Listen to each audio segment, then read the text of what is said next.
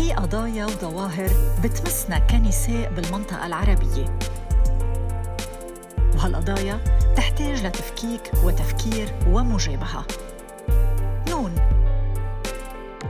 نقاش نسوي نقدي.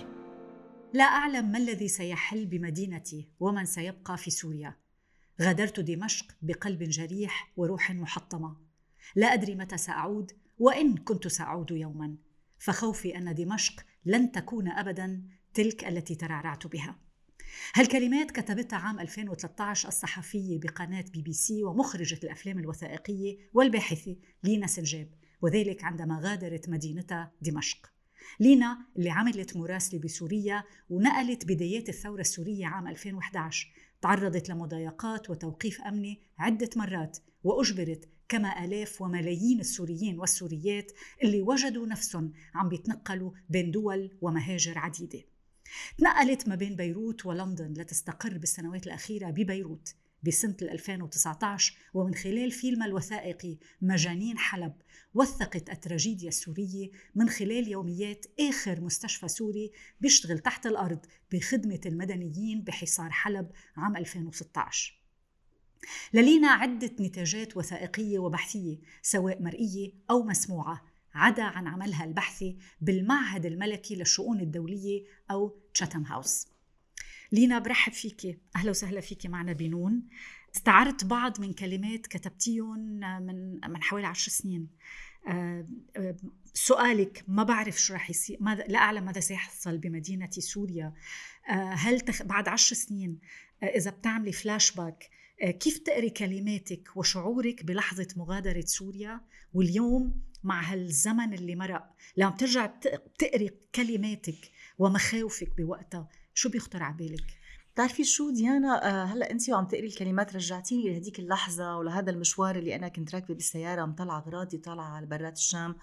آه وكل فكري بلحظتها إنه أنا حأطلع أسبوعين ثلاثة وأرجع وكل ما حدا يقول لي مبروك النقله اطلع فيهم إنه إنه لا أنا راجعة. آه يعني أنا كنت عايشة بوهم آه ما قادرة أني صدق الواقع. بس يمكن هاي المادة كتبتها بحالة آه كتير كنت يمكن بحالة غيبة عن الوعي لأنه طلعت اليوم بتطلع عليها كل شيء قلته بلحظتها صار. أنا هالمدينة صارت ما بتشبهني ولا بتشبه الناس اللي أنا فيها. أنا منعت أني أرجع على سوريا لعدة سنين واضطريت أني لاقي سبل كتير صعبة لحتى أرجع زورها. وكنت كل ما فوت على الشام حس بغربة آه، قاتلة آه، يمكن الشيء الوحيد اللي أقدر أعرفه هو الحجر وهي الأماكن. الوجوه كلها اختلفت الحياة كلها اختلفت بعض الأصدقاء اللي بقيوا كلهم بحالة آه، فقد وانكسار رغم يعني رغم محاولاتهم المستمرة للبقاء. لكن أنا حتى هلأ اليوم رجعت ما قادرة أني أرجع على سوريا واللي هي بعيدة عني ساعتين سواقة أنا ما بقدر أني أشوف دمشق. وهو سؤال كتير صعب ديانا يعني مش بس نحن كسوريين يعني في كتير بالعالم العربي يمكن عاشوه وأولهم فلسطينيين اللي هي أنه أنت تقتلعي من جذورك إنه انت ما عاد عندك انتماء لأي مكان. صح أنا ببيروت ببلد عربي بالمدينة اللي كان يسميها عمر أمير الله هي رئد دمشق اللي متنفس فيها. لكن انت بعمرك ما عاد تحسي هذا نفس الإحساس اللي انت بمكان ولدتي فيه رحتي على المدرسة فيه لعبتي انت أولاد الحي فيه آه، كبرتي فيه حبيتي فيه آه، كل حياتك انت فيه بنيتي آه، كل شيء مع كل تفاصيله. رغم قساوته للمكان كان. ما هي فكرة الاقتلاع من الجذور الفلسطينيين عانوها السوريين لهم تقريبا 12 سنة عم بيعانوها. بأكثر من دولة عربية لاستبداد لسجون آه، أشخاص عم بيضطروا أنه يتركوا بلادهم وما يرجعوا. بلبنان نحن آه، مش بالضرورة القمع السياسي ولكن الفساد والنهب اللي صار والمحاولات أنه يتحول البلد للمحيط المشابه له عم بيخلي كثير لبنانيين كمان عم بيغادروا. فكرة الاقتلاع من الجذور أنت حاولتي تبقي خيط ما يعني أنت انقطعت سنين عن سوريا واليوم رغم أنه الوضع ما زال سيء وربما أسوأ لأنه في فقدان أمل وهذا كتير سوريين بيعبروا عنه.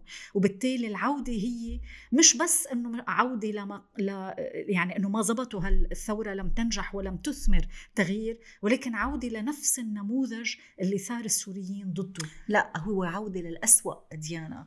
آه للأسف آه, آه، أنت بعد عشر سنين من بداية الحراك وبداية الثورة بسوريا واللي كانت المطالب للتغيير وتغيير الحكم وبناء دولة مدنية دولة علمانية دولة ديمقراطية. اليوم أنت رجعتي لأكثر من خمسين سنة لورا مش بس على المستوى الحريات أو مستوى السياسي يمكن في مساحة للحريات اليوم بقلب الشام بمعنى أنه آه، العالم قدرانة تنتقد أكثر لكن ما قدرانة تعبر عن رأيها بصراحة أكثر يعني هذا ال red line عم يتحرك بأريحية أكثر لكن مش معناتها أنه الحكومة أو السلطة أو النظام هو موافق على أنه يعطي حرية للناس. بس أنه خليهم يحكوا شو طالع بإيدهم يعملوا. طالما ما عم يطولوا رموز محددة بالسلطة. لكن الوضع الاجتماعي كارثي الوضع الاقتصادي مزري آه، مدينة تغرق في الظلام آه، ما عاد في أفق للعالم. بتروحي بتحسي في إما كبار في السن متروكين لحالهم بدون أولادهم أو جيل جديد اللي هو ربي وكبر أثناء هالعشر سنين تبع تبع الحرب. في ناس كثير اليوم بتحكيهم بقلب بقلب سوريا بيقولوا لك وقت اللي كانت عم تنزل القذائف كان الوضع أفضل من اليوم.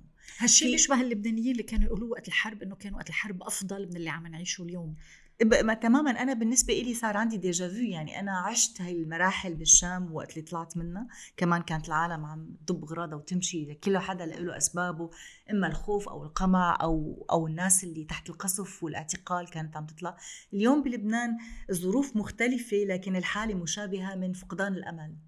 تمام. ومن آه، ضيق الحال على المستوى الاجتماعي والمستوى الاقتصادي وإنه وغياب الافق السياسي. تماما. وهيك بتشوفي آه، كثير صعب إنك تشوفي تشهدي موت المدن. فأنا شهدتها بالشام وعم بشهدها ببيروت للأسف يعني. كثير هالشي بيوجع وبذات الوقت بيفقد الأمل. بس أنت آه، عندك كان فرصة إنك تبقي بلندن بسبب عملك بي بي سي. رجعتي على بيروت. اللي هي مدينة كمان صعبة صحيح مدينة منفتحة إلى حد ما قريبة من سوريا ولكن مدينة عندها تعقيداتها وتحولت بالسنوات الأخيرة لمدينة طاردة لأهلها كمان. أي. فما بالك بحدا سوري مع تعقيدات الوضع اللبناني والمقاربة تجاه الوجود السوري بلبنان.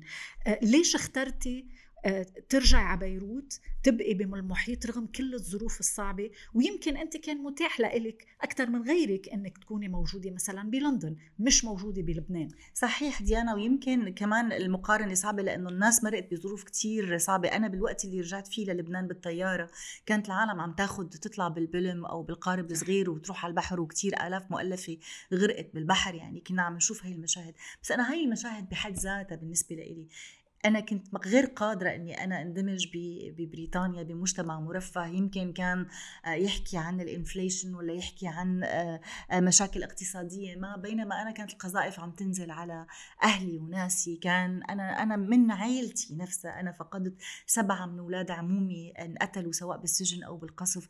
في عندي جزء كبير من عائلتي حتى طلعوا بالبحر يعني لوصلوا لأوروبا ليشوفوا أفق جديدة. ويبدوا بحياة جديدة. بس أنا يمكن لأنه كان عندي الخيار كنت قادرة أني أعمل هذا القرار. ويمكن كمان أنا كنت عايشة هذا الوهم الوهم العاطفي الوهم الإنساني إنه أنا آه، ما قادرة ما قادرة أنفصل عن عن بلدي ما قادرة بعد يعني. أنا كنت حاسة مثل اليتيمة بلندن رغم كل شيء كان مأهل لي. بس كنت حس إنه أنا بدي أرجع لكون قريبة. وكنت بعقلي هيك بكل وهم إنه يمكن سنة وبرجع على الشام. فأنا بأثناء كنت كمان عم غطي محادثات جنيف, جنيف. وبتذكر آخر جولة أنا غطيتها كانت ب 2016 كنت شيء إني ناقلة على بيروت.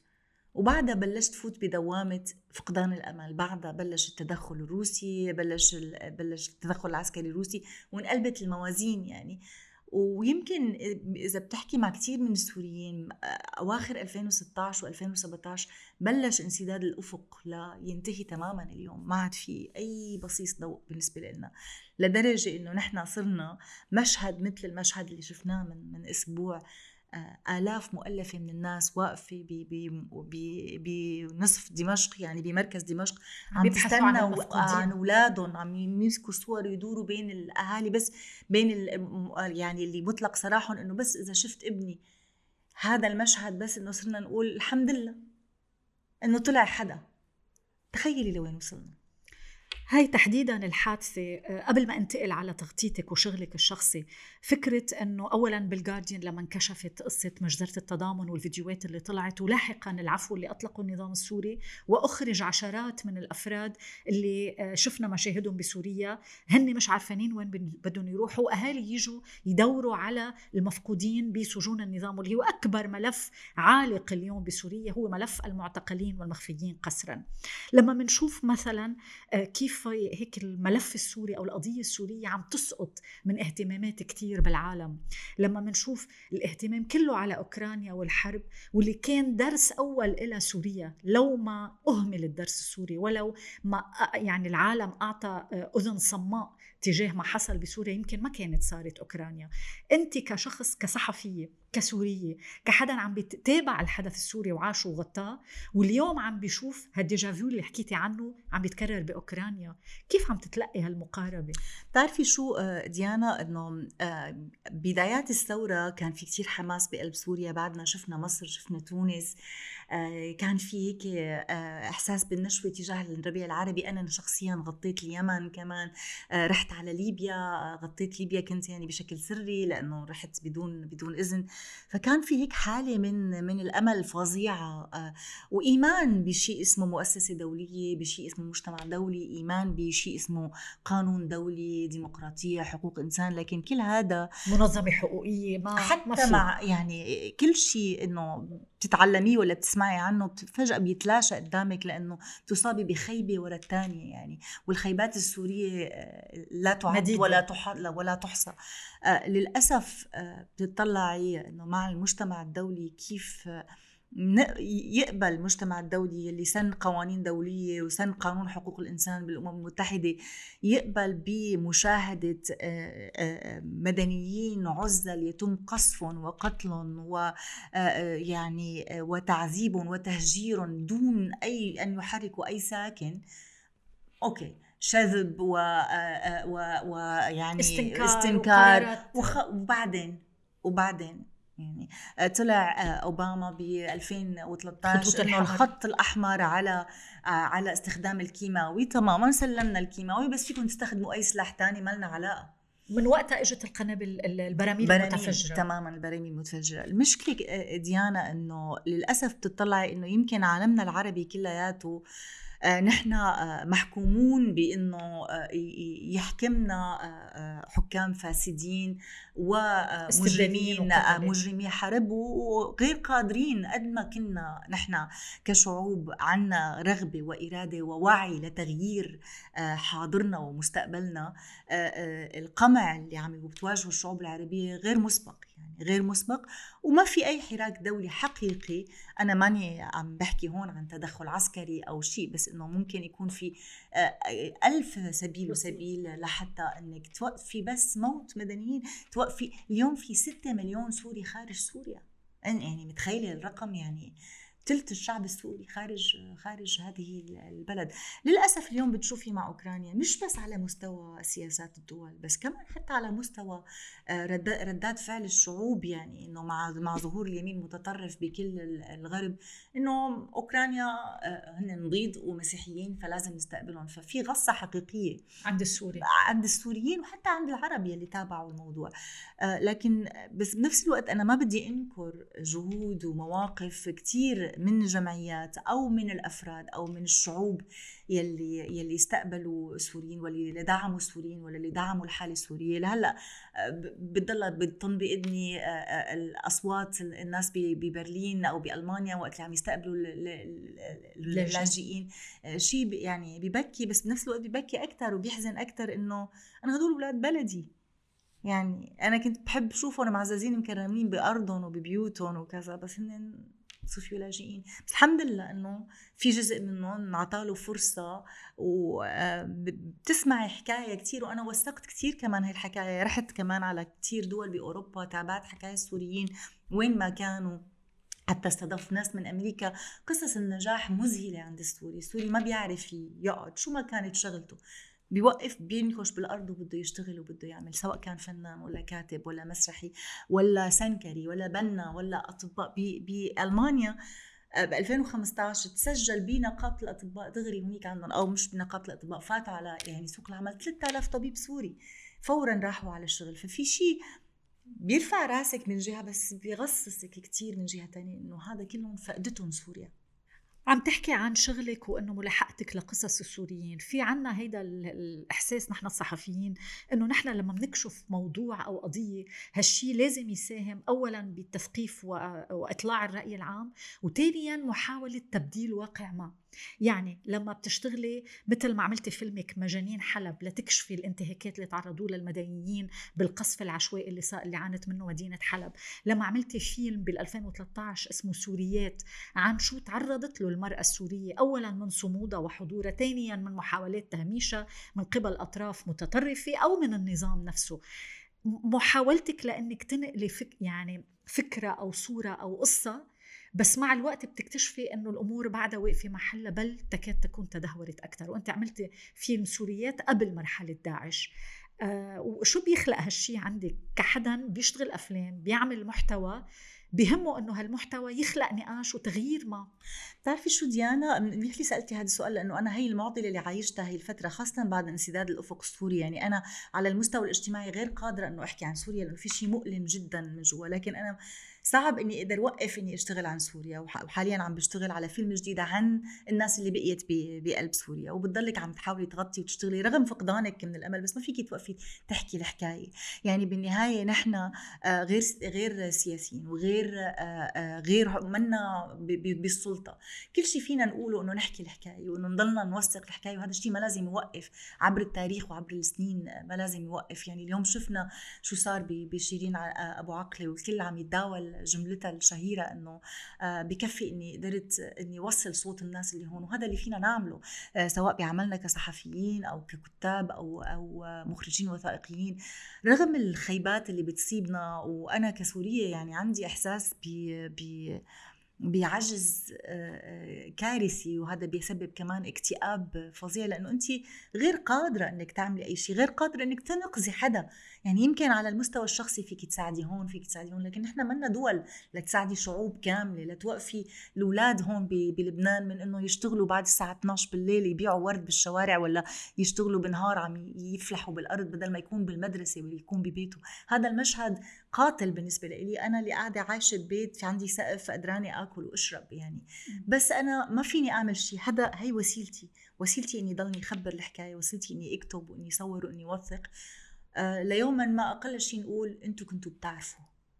الحقيقة كانت موجودة. ولا تحفظي الذاكرة آه، كنت امبارح عم بحكي مع أشخاص آه، عم بخبروني مثلا وهذا يمكن أنت بتعرفيه أنه المحتوى الفيديوهات السورية مثلا اللي بتحفظ الذاكرة السورية بال 10 11 سنة الماضية عم آه، انشال منها كتير عن الإنترنت عن اليوتيوب. وهالشيء هو جزء من الذاكرة يعني اليوم عم نقول أرشيف سوري أساسي أرشيف الحرب والارتكابات عم بينفقد من الإنترنت وبالتالي تل... تقولي الحكاية عم بتجربي على الأقل تحفظي حق الذاكرة السورية إنه ما تتشوه لأنه للأسف اللي بيقول التاريخ هو المنتصر وبالتالي كيف بس بس ديانا هي هي كمان جزء من سياسة الحرب. يعني هي الحرب ما كانت فقط آه، بالقصف ولا بالقتل ولا بالترهيب بالرواية. ولا بالسجن لكن بالرواية كمان. وبنشر آه، أخبار كاذبة والطعن برواية الطرف الآخر يعني. آه، لكن عن جد يعني كمان أنا بحيي كثير من الشباب اللي اشتغلوا على هذا الموضوع كانوا مدركين له من البدايات يلي حاولوا يخلقوا أرشيف موازي ويحفظوا كل هالأرشيف السوري. لأنه هي مش بس حكاية. هي مش بس توثيق هي هي إدانة هي دليل مرئي للقتل مثل الفيديو اللي شفناه بمجزرة التضامن.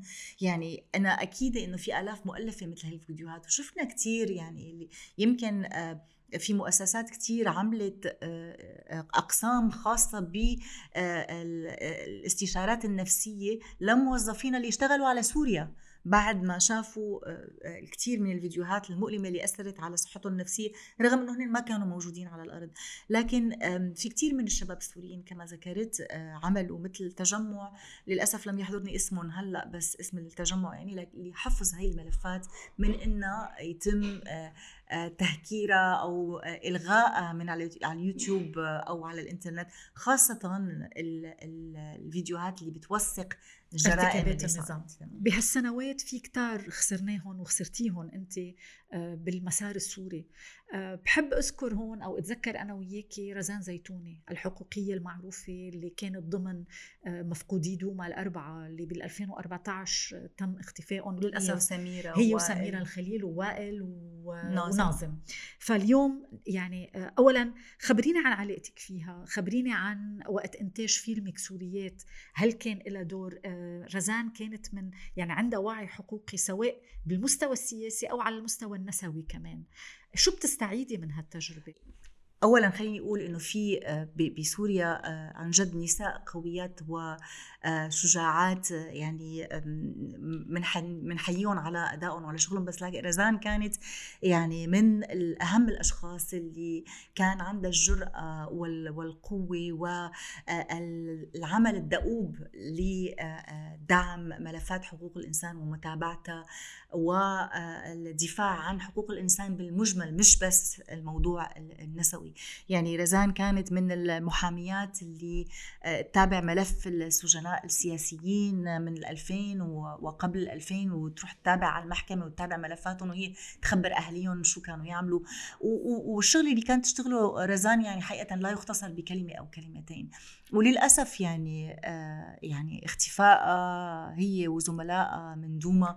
بوقت هي كانت رايحة لكسر هذا الحاجز بين المجتمعات بسوريا هي حدا علماني متحرر وراحت قعدت بقلب دوما منطقة آه، محافظة لكن انتفضت على النظام لتكون معهم ليبنوا آه، أفكار لمجتمع مدني آه، معا. هي كمان كانت من الأوائل اللي أسسوا بفترة الثورة تنظيم الشباب تنظيم المجالس المحلية تنظيم التنسيقيات التنسيقيات السورية. يعني في شيء مذهل كانت اللي عملته والأثر اللي تركته على جيل كامل من بعدها على جيل كتير كبير من الشباب سواء كانوا إعلاميين ولا حقوقيين ولا نشطاء آه، آه، يعني بحقوق الإنسان. اثرها كان كتير كبير وللأسف إنه ما في أي أي خبر عنها آه، هل بتعتبري هالأثر موجود؟ يعني للأسف أنا بعرف كثير من جيلها أو من اللي اشتغلوا معها تشظوا مثل ما حكينا بمهاجر أوروبية بدول مختلفة. آه، هيدا النوع من العمل صار موجود خارج سوريا أكثر من الداخل برأيي. ما بعرف إذا بتوافقيني أو لا. آه، أكيد بوافقك بس ما كان في خيار تاني. لكن آه، منيح إنه الأثر موجود ليبقى لأجيال جاية يعني عرفتي؟ في بعض الشباب بعضهم موجودين بسوريا لكن شو قدرة على إنهم يشتغلوا على مستوى حقوق إنسان أو على مستوى حريات حقيقية بظل وجود بعد نظام قمعي هو يلي مسيطر على الوضع. لكن حكايتها ما فينا تنسى واثرها ما ممكن ينسى بدي خبرك شيء إنه رغم آه، رغم قساوة هذا التشرذم والشتات السوري اللي صار آه، بدايات الثورة ولحديت اليوم الجالية السورية اللي بأمريكا اللي طلعت من جيلين أو ثلاثة كانت أكثر مين ساهم بدعم آه، بدعم النشطاء ودعم الأطباء ودعم المجال الطبي بسوريا. أكثر شيء منظمين كانوا. فأنا عندي أمل إنه يوما ما هدول الشباب اللي طلعوا لبرا يقدروا يوما ما إذا رجعت سوريا لنا يمكن ما ترجع جغرافيا مثل ما كانت آه، يقدروا يرجعوا يساهموا ببناء سوريا اللي نحن بنحلم فيها. يمكن جيلي ما يقدر يستمتع فيها بس يمكن أجيال تانية تقدر تعيشها. لا إن شاء الله بيكون على أيامك هيدا الشيء أه بدي أسألك بخصوص النقاش اللي بيصير بين السوريين بالمغتربات تحديدا أه فكرة أسلمت الثورة أو علمانيتها. السنة آه، الماضية آه، كان في حادثة شهيرة وقت كان في دورة تدريب لعمل آه، يعني تثقيف فتيات وشابات على حقوقهم على قضايا نسائية. أحد الشيوخ أسامة الرفاعي انتقد هالشيء وهاجم النسوية. دايما بصير بالمجال السوري نقاش ما بين هيك المعارض العلماني المنفتح الذي ينادي أو التي تنادي بالحقوق والمعارض الإسلامي اللي بيعتبر نفسه إنه هو أقرب للبيئة السورية والطبيعة السورية وأنه هالسجال موجود بين طرفي المعارضة وما زال مستمر لليوم. بس ديانا هذا الشيء موجود من زمان. يعني أنا بتذكر أه بعتقد بال 2008 أه آه، حاولت أعمل شيء عن آه، الجمعيات السورية النسوية. واللي كمان تهاجمت من البوطي كان وقتها هو المفتي آه، وإنه اتهمهم بإنه هذا شيء تكفيري أو يعني الشيء اللي عم يقوموا فيه إنه غير مقبول دينيا وهيك. فهذا السجال دائما موجود. لكن اللي أنا بدي أقوله خاصة إنه مع الثورة السورية وبالذات بعد وقت اللي صار حالة هي التطرف اللي طلعت اللي غير مقبولة أه ورجت وجه آخر لكثير من السوريين هن فعلا إنه رافضين هذا التطرف. يعني أنا أه أنا بربيت ببيئة أه مسلمة آه، آه، محافظة آه، ترفض هذا هذا النهج. يعني أنا من من من ريف دمشق بمنطقة كمان محافظة. فجأة أنا بتطلع من الأجواء اللي حوالي إنه إنه نحن منا هيك. هذا منا ديننا آه، مع إنه هن محافظين. آه، لكن لا يدعو إلى إقصاء الآخر والتطرف والقصص هذا لا ينفي وجودهم. يعني هذا لا ينفي وجود هذا التيار. السلطة له ما تماما. في استغلال ويعني تماما. وأنا برجع أنا برجع بكررها دائما بكثير من مقالاتي ومن شغلي إنه 2011 آه، بشهر 4 2011 طلع عفو عام. بهذا العفو عام طلعوا كل المساجين الإسلاميين آه، من صيدنايا وغير سجون لكن كل النشطاء العلمانيين واللي كانوا من ديانات أخرى من أقليات يلي النظام يدعي أنه هو بيدافع عنها ضلوا بالسجون وفي منهم ما طلع في منهم يتصفى داخل السجون فهي لعبة أكيد استغل النظام لكن أكيد في بيئة في بيئة لها وهون مفيد التذكير أنه النظام استغل موضوع الإسلاميين بفترة آه، حرب العراق وقت تدخلوا الأمريكيين. طبعا. استغل الإسلاميين وكان يرسلهم على العراق ليقاتلوا مع مجاهدي صدام بهديك الحقبة. رجعوا لسوريا واستثمروا بلبنان أيضا. طبعا. حتى لو هالشيء البعض بيعتبره قديم ولكنه كان أساسي ومؤسس للموجة اللي طلعت. طبعا بعدين دخل العامل الإيراني والروسي ولكن في شيء استثمر فيه النظام. هذا الشيء كمان كتير أسس على مواقف الغرب تجاه سوريا لأنه طالما طلع هذا الخوف من من داعش ومن الإسلاميين آه هذا صار transnational threat مع يعني هذا تهديد عابر للحدود مع التهديد بقلب بقلب سوريا. فصار تردد أكثر من إنه يصير أي شيء لإنقاذ الشعب السوري بسبب هذا الملف. بسبب هذا الملف واللي صار حاضر كتير دوليا يعني وأثر كتير على مصير السوريين صراحة. 100% هلأ هيدا النقاش واسع أنا حابة أرجع أكثر لعندك. أنت لينا سنجاب الصحفية السورية اللي عندها هم سوري وهم آه يعني صحفي آه أوقات عابر للحدود بس أكيد بينطلق من الموضوع السوري. أنت اليوم آه بلبنان هل هاي محطة أخيرة ولا بتحسي بعد المحطات مفتوحة؟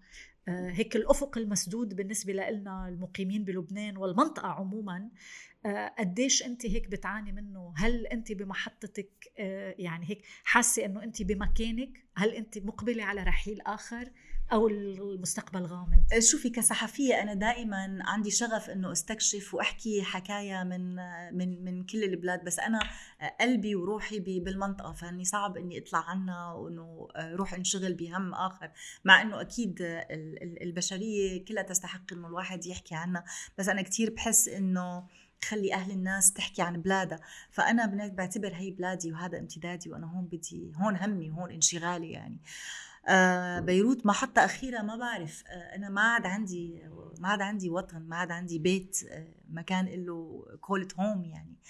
آه بس أنا بعرف إنه بس أطلع من بيروت أربع خمس أيام بصير آه، بس بدي أرجع. بدي ارجع لهون بدي ارجع على بيتي بدي ارجع أشوف البحر يلي ما بقدر اسبح فيه. آه بس إنه بس إنه هي المدينة اللي, اللي هي أقرب للشام وأقرب لثقافتنا وأقرب لكل شيء فينا. فحاليا آه، ما عندي إجابة صراحة. أنا هون لحد آخر رمق فيني يكون فيه هون. طالما أنت هون فينا نحكي عن التجربة اللبنانية السورية بآخر 11 سنة اللي آه، عشناها مجموعة كبيرة هي دخول مجموعة من الصحفيين والحقوقيين والشباب والصبايا السوريين اللي انوجدوا ببيروت وبعدين تشظوا بدول تانية. أنت تابعتي هالشيء يعني حتى أوقات اعتبرنا المدينة فضيت آه، في كتار راحوا. بيروت آه، كانت صعبة. يعني الوضع السياسي ضغط على المدينة وضغط على اللي عم بيوفدوا لها آه، قد إيه كان صعب عليك يعني سألتك قبل شوي قلتي لي إنه مش سهل التقبل من بعض البيئات بلبنان علما إنه انت مش النموذج السوري اللي بخوفهم إيه مزبوط بس ليكي لبنان صعبة على أهلها. أنت أنت أنت أدرى مني فيها. بس أنا كمراقب عم شوف طبعا أكيد بشوف السياسة السياسة الحكومية تجاه اللاجئ وقديش فيها عنصرية. واللي بيلحق كثير من الحالة الشعبوية اللي بتلحق هذا الخطاب. لكن هذا أكيد ما فينا نعمم لأنه أكيد في كثير لبنانيين هن رحبوا بالسوريين فتحوا آه، قلبهم وإيديهم وبيوتهم كمان لإلهم وساعدوا ودعموا سواء كانوا حقوقيين ولا أفراد عاديين ولا ولا آه، بيشتغلوا بمنظمات لكن الجو العام هو جو غير مرحب بالآخر ومش أي آخر يعني. يمكن آه، كان في من فترة قبل أوكرانيا فيديو عم هيك يقارنوا فيه يسألوا اللبنانيين آه، شو بترحب بالأوكراني؟ كله إنه بيرحب بالأبيض أو الأشقر أو أو الغربي. في حالة للأسف من من من العنصرية موجودة بجزء من المجتمع اللبناني لا يستهال فيه ولكن هي كمان عنصرية تجاه اللبناني نفسه يعني غير متقبل لطبقة مختلفة أو لدين مختلف. في مشكلة حقيقية بلبنان رغم أنه هذا البلد أنا بالنسبة إلي يعني هو آه، جنة حرام اللي يصير يصير فيها اللي عم يصير فيه 100% وهو هذا الخطاب بيتحمل مسؤوليته أكيد القيادة السياسية. لما الخطاب السياسي على مستوى رئيس على مستوى زعيم على مستوى رجل دين لهن قادة الرأي بالبلد بصرف النظر عن رأينا فيهم لما هول الأشخاص بي بي بيطلقوا خطاب عنصري أو كراهية تجاه السوريين بالتالي حيترجم للأسف آه، خوف عند البعض. ولما بيتوزع معلومات مغلوطة لما بينقال أنه اللاجئين هن مسؤولين عن التلوث أو عن مسؤولين عن آه، الأزمة الاقتصادية أو الأزمة الاقتصادية. تماما هي كلها معلومات كاذبة. حتما حتأثر بالرأي العام خصوصي الرأي العام الوسط أو ما دون. ما تنسي ديانا يعني كمان موضوع السوري صح له 10 سنين لكن هو ناشئ وجديد بالنسبة للبنان. طلعي على الفلسطينيين اللي اللي هن هون 48 أو صح. بعد شو وضعهم؟ هن عايشين بجتويات بظروف آه، يعني يعني لا يمكن تصديقها إنه حتى إذن عمل ما فينه يشتغل إلا إذا كان عامل آه، بسيط. يعني في في في آه، تمييز مو يعني مؤسس يعني ممنهج بقلب ممنهج بقلب بقلب الدولة. وهو غير مقبول يعني مع إنه إذا فينك تقلب الآية وتستفيد من الطاقات اللي عندك. يعني بتختلف كل الموازين. مية بالمية. شو آه، عم بتخططي مستقبلا بما يتعلق بالعمل؟ يعني أنت عملتي آه، مجانين حلب عملتي عن النساء آه، عم تلحق السوريين بالمهجر. شو القصة اللي ما انحكت عن السوريين بعد؟ هلأ أنا في فيلمين هلأ عم بشتغل عنهم. واحد يعني استقصائي يعني ما فيني أخبر عنه هلأ لحد ما يطلع. لكن الثاني اللي هو ما زال بيطورد التطوير يعني اللي هو كتير قريب لقلبي هي عن علاقتي بمدينتي دمشق وعن الاصحاب اللي بقيوا بقلب الشام. هي الرواية يلي ما سمعناها بالعشر سنين الماضية. رواية الطبقة الوسطى الطبقة المثقفة يلي آه، قررت تبقى بغض النظر عن موقفها تجاه تجاه النظام هي قررت إنه أنا ما بدي أتغرب وما بدي أطلع وبدي أعيش هي التجربة بكل مقالاتها يعني. فأنا عم حاول وثق هي الحالة ووثق هي التجربة بكل يعني بكل أزماتها أو نجاحاتها. وهي العلاقة يلي ما في سوري ما عنده إياها اللي سوري الخارج وسوري الداخل أنتم طلعتوا لا أنتم بقيتوا لا أنتم هي الأسئلة اللي دائما عم تنطرح. بس عم حاول وثقها بطريقة أكثر شعرية إذا بدك لأنه بالعلاقة مع هذا الفقد اللي اثنيناتنا عايشينه تجاه مكان نحن نعتبره الأب والأم اللي هي دمشق. ليش دمشق تحديدا؟ يعني بتحكي كثير عن دمشق. آه، في مناطق كثير حكيتي قبل شوي عن دوما عن الحراك فيها عن الحضور النسوي رغم إنه دوما هي منطقة محافظة. آه، في كثير سوريين بيعتبوا إنه أهل دمشق بيركزوا على مدينتهم وبينسوا الأطراف آه، حتى ضمن الثورة. فيعني ليش في هال إذا بدك العتب المتبادل أحيانا. واللي هو معهم حق فيه يعني بالنهاية نحن آه، يعني أنا كمان ما بدي أعمم أنا بحكي عن آه، دائرتي والناس اللي حوالي. نحن كنا نعتبر دمشق هي هالثلاثة كيلومتر اللي نحن عايشين فيها.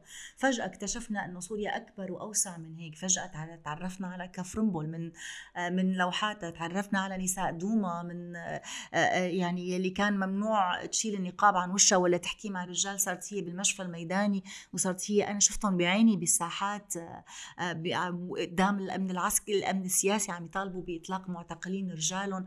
في شيء مذهل من الطاقة هيك تفجرت بسوريا اللي كلياتنا كنا عم نطلع بذهول تجاه تجاه أولاد بلدنا. وين ما كانوا ولا درعا ولا لاذقيه ولا بانياس ولا حلب ولا إدلب ولا يعني القائمة لا تعد ولا تحصى. لكن أنا بالنهاية آه، أنا بنت مدينة دمشق وعشت حياتي بدمشق فأنا علاقتي مع هاي المدينة. آه، بس أكيد آه، يعني كمان كان في شيء ممنهج بإنه الأطراف منسية. والتركيز كان على دمشق وحلب ك يعني كالعواصم عاصمة اقتصادية وعاصمة حقيقية. بس بعتقد الثورة كسرت كثير كسرت كتير آه، حواجز بيننا وبين كتير من السوريين. صار في كتير تقاطعات بين ناس عايشين بمناطق بعمرنا يمكن ما زرناها أو ما عرفناها. آه، رغم إنه هذا التفاؤل وهذا التقاطع وهذا التعاطف اللي صار بجوز بعد عشر سنين تغربل. ما عاد مثل أوتو بقي اللي في أشياء مشتركة بيناتهم.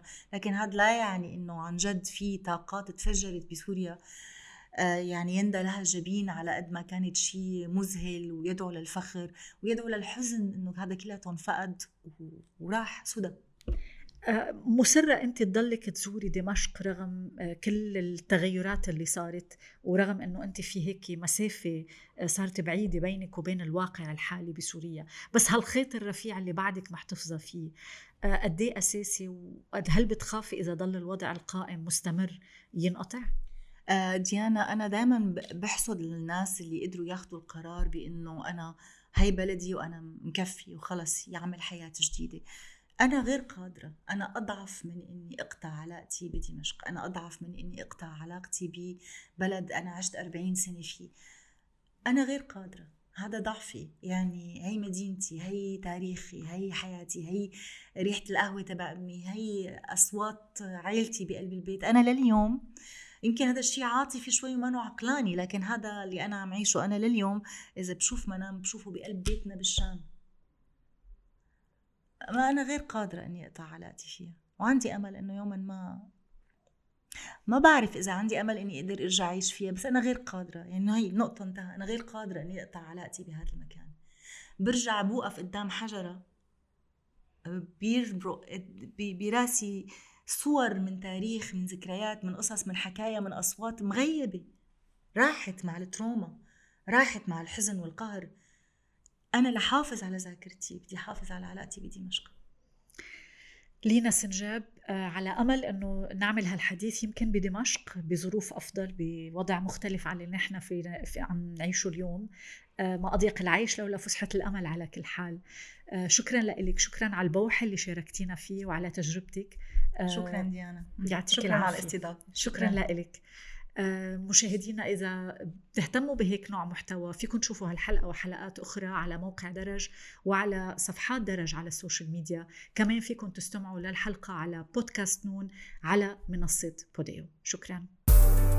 في قضايا وظواهر بتمسنا كنساء بالمنطقة العربية. وهالقضايا تحتاج لتفكيك وتفكير ومجابهة. نون. نقاش نسوي نقدي.